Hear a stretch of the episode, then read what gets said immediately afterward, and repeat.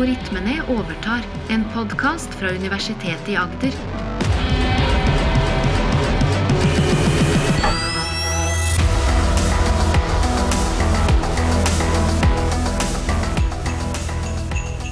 Dette er en julekalender spesial, hvor det bak hver luke skjuler seg en ny algoritme.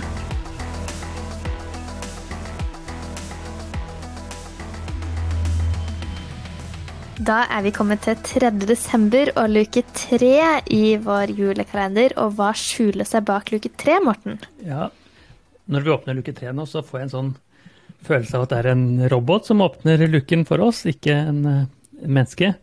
Og det passer nok veldig godt, for i dag skal det handle om roboter. Og spesielt en type robot som er trent med forsterkningslæring. Oi. Og, så det vil forklare litt hva det betyr. Eh, selve algoritmen, artikkelen, heter Autonomous Reinforcement Learning, Formalism and Benchmarking, forkortet ØRL.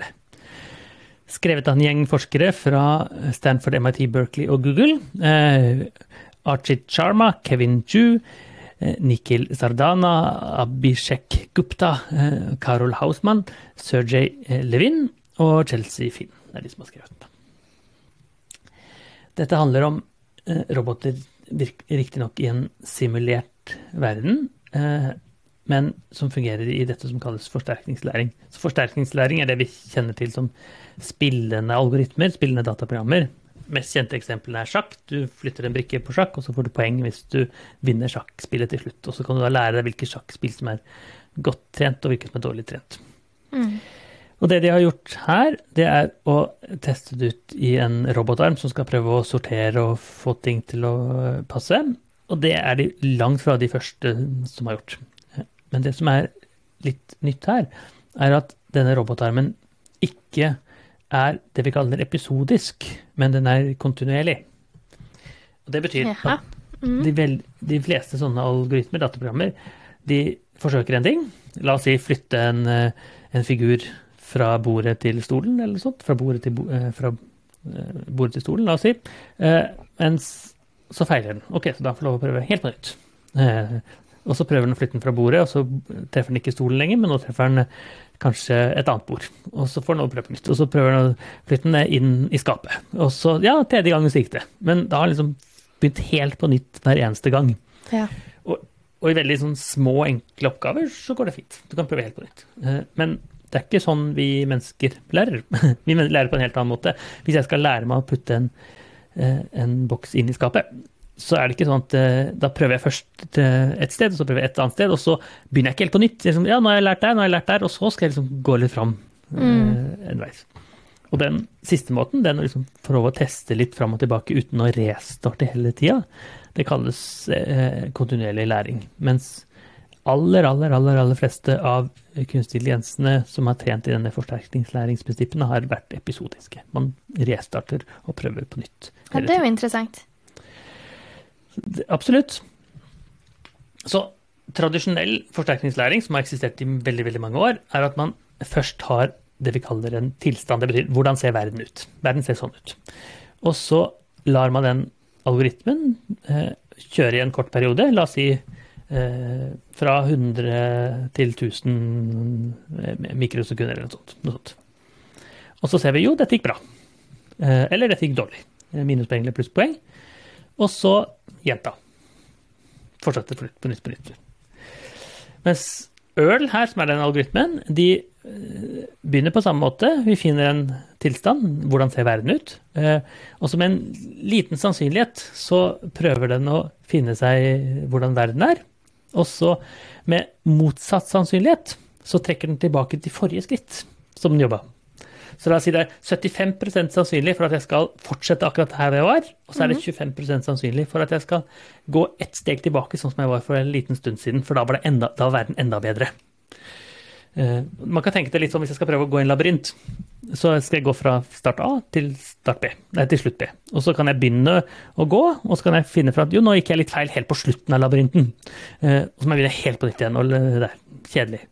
Mens hvis vi tenker med en øl, så går vi litt, og så viser jeg med en viss sannsynlighet når jeg feiler. Når jeg går stanger i veggen eller har gått meg vill eller noe sånt.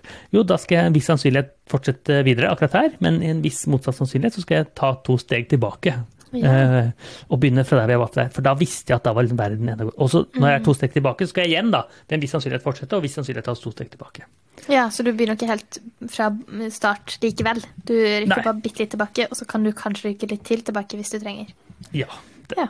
det er ikke sånn på uh, stigespillet hvor du liksom rykker tilbake til start. Liksom. Men at du bare faller liksom den stigen lite grann. Korte får du- Ja. Korte stigen, Noe sånt.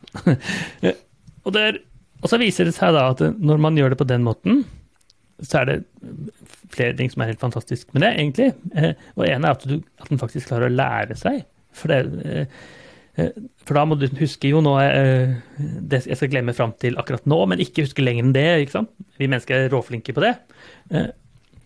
Men den viser seg, i hvert fall i disse tilfellene, faktisk trener bedre enn de motsatte tradisjonelle metodene. Raskere og bedre.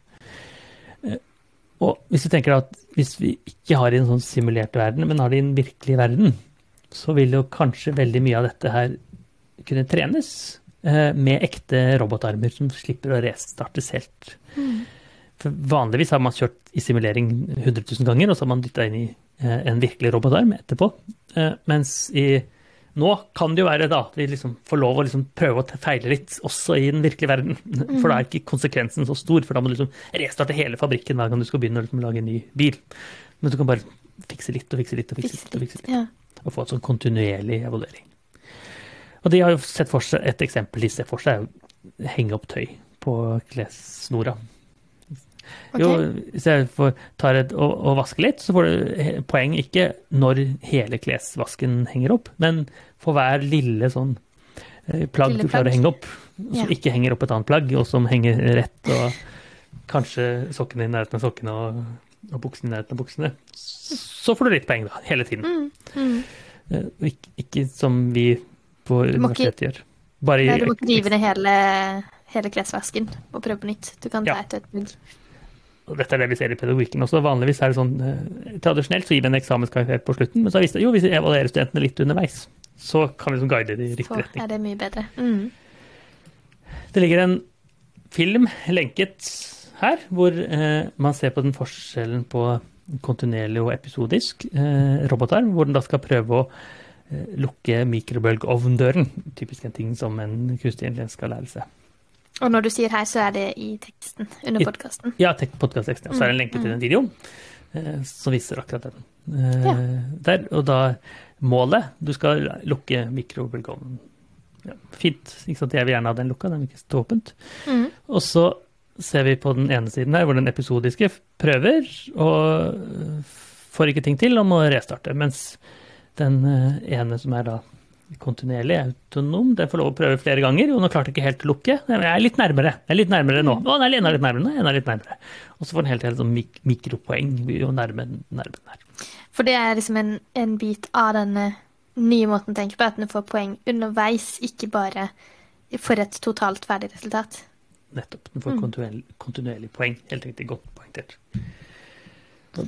Igjen som student, hvis du gir litt poeng hver uke for alle innleveringer, så styrer du studenten mot god karakter versus å bare gi tilbakemelding på eksamen. Ja, hvor du ikke får tilbakemelding engang, du får bare en rett og galt, eller Ja, det er sant. Mm. Ja, det, Her kan jo, da kan jo studenten eh, også gå tilbake og se ok, skal jeg rykke bare litt tilbake, eller skal jeg ta helt på nytt. ja, Men eh, det kan de ikke på en eksamen. Og det er jo litt samme type her. Godt poeng. Du, for hvis du bare får karakter B eller A eller F, Mm. så vet du ikke om jeg bomma på første eller andre. Nei. Nei, skal det sies at studenter har rett til forklaring, så da må du forklare ja, likevel. Ja, men, eh, men- men eh. Men eksempelet syns jeg er godt. Ja. Ja, enig. Nå var det jeg som kom på med eksempelet, så jeg skal være forsiktig med å si det, men det er sant. Enig. Jeg syns det var veldig bra, det. Ok. Men hvor er det vi ser dette i virkelig verden? Robotikk og kunstig intelligens er eh, på mange måter gode venner. Eh, En av disse er jo Elon Musk sin robot som heter Optimus, som kom for eh, i oktober en gang. Mm. Som er bygget med forsterkningslæring. Ikke med akkurat den metoden med forsterkningslæring, men, men med forsterkningslæring, hvor den da skal lære seg hvordan den skal gå, hvordan den skal bevege seg, hvordan den skal bevege armer osv. Ja. Her kunne jo Musk antageligvis brukt den teknikken eh, fra, fra Berkeley og MIT osv., det kan jo hende han gjør, eh, til å kunne vanne blomster og henge opp klestøy og rydde inn oppvaskmaskinen osv. Og få da poeng for hver kopp han putter inn, ikke nødvendigvis om hele oppvasken er vaska. Ja. Men, eh, men her er det kanskje vanskeligere å bruke sånn som eh, helse, f.eks. Det er litt skummelt hvis eh, man er under en operasjon og så Nei, det var ett steg feil. Ja ja, vi bare rykker litt tilbake Ja, ja. og prøver på nytt. Da må man eh, være mer sikker, vel. Ja, det, det er et godt poeng, det, tror jeg. jeg. Jeg tror ikke jeg ville hatt en robot som lærte under operasjon. Da vil du helst at den skal være Da vil den ferdig lært. Ja, da bør den være feil. Men også hvis den gjør en feil under operasjonen, så bør det Jo, nå har jeg gjort en feil, nå må jeg rykke helt tilbake. Skal jeg ikke begynne, skal jeg ikke begynne helt på nytt på operasjonen. Liksom, Nei, det er sant. Magesekken nå, for den er vanlig åpen. Det er sant. Nei, så dette er, dette er en måte å lære de bedre opp på. Ja. Og jeg skulle tro at en, en operasjonsrobot bør være det ferdigtrent. Ferdigtrent. Ja, Det håper jeg i hvert fall neste gang jeg skal operere det håper jeg absolutt. hva enn det er som blir Men Men Så dette er til bruk underveis i opplæring, rett og slett? ja, for å forbedre opplæringen og, og, og komme, komme raskere til målet. Og, eh, så det er i hvert fall en del av det, men også i mange situasjoner hvor man lærer litt interaktivt. da. Verden endrer seg litt, grann. jeg går litt tilbake. Mm. Eh, Eller jeg skal finne fram, kjøre fra hjemmefra til skolen, og så Nei, jeg kjørte litt feil. Eh, Da kan jeg rygge litt. Grann. Nå skal jeg, jeg trenger ikke å kjøre helt tilbake til start. Helt hjem igjen. Ja. Ja. Men Det høres tåpelig ut når vi snakker om virkelig verden, men i forsterkningslæringskunstig så har det vært normal. Mm. Så da blir det spennende hva som skjer i luke fire, som jeg har en følelse av handler om noe helt annet, eh, ikke robotikk.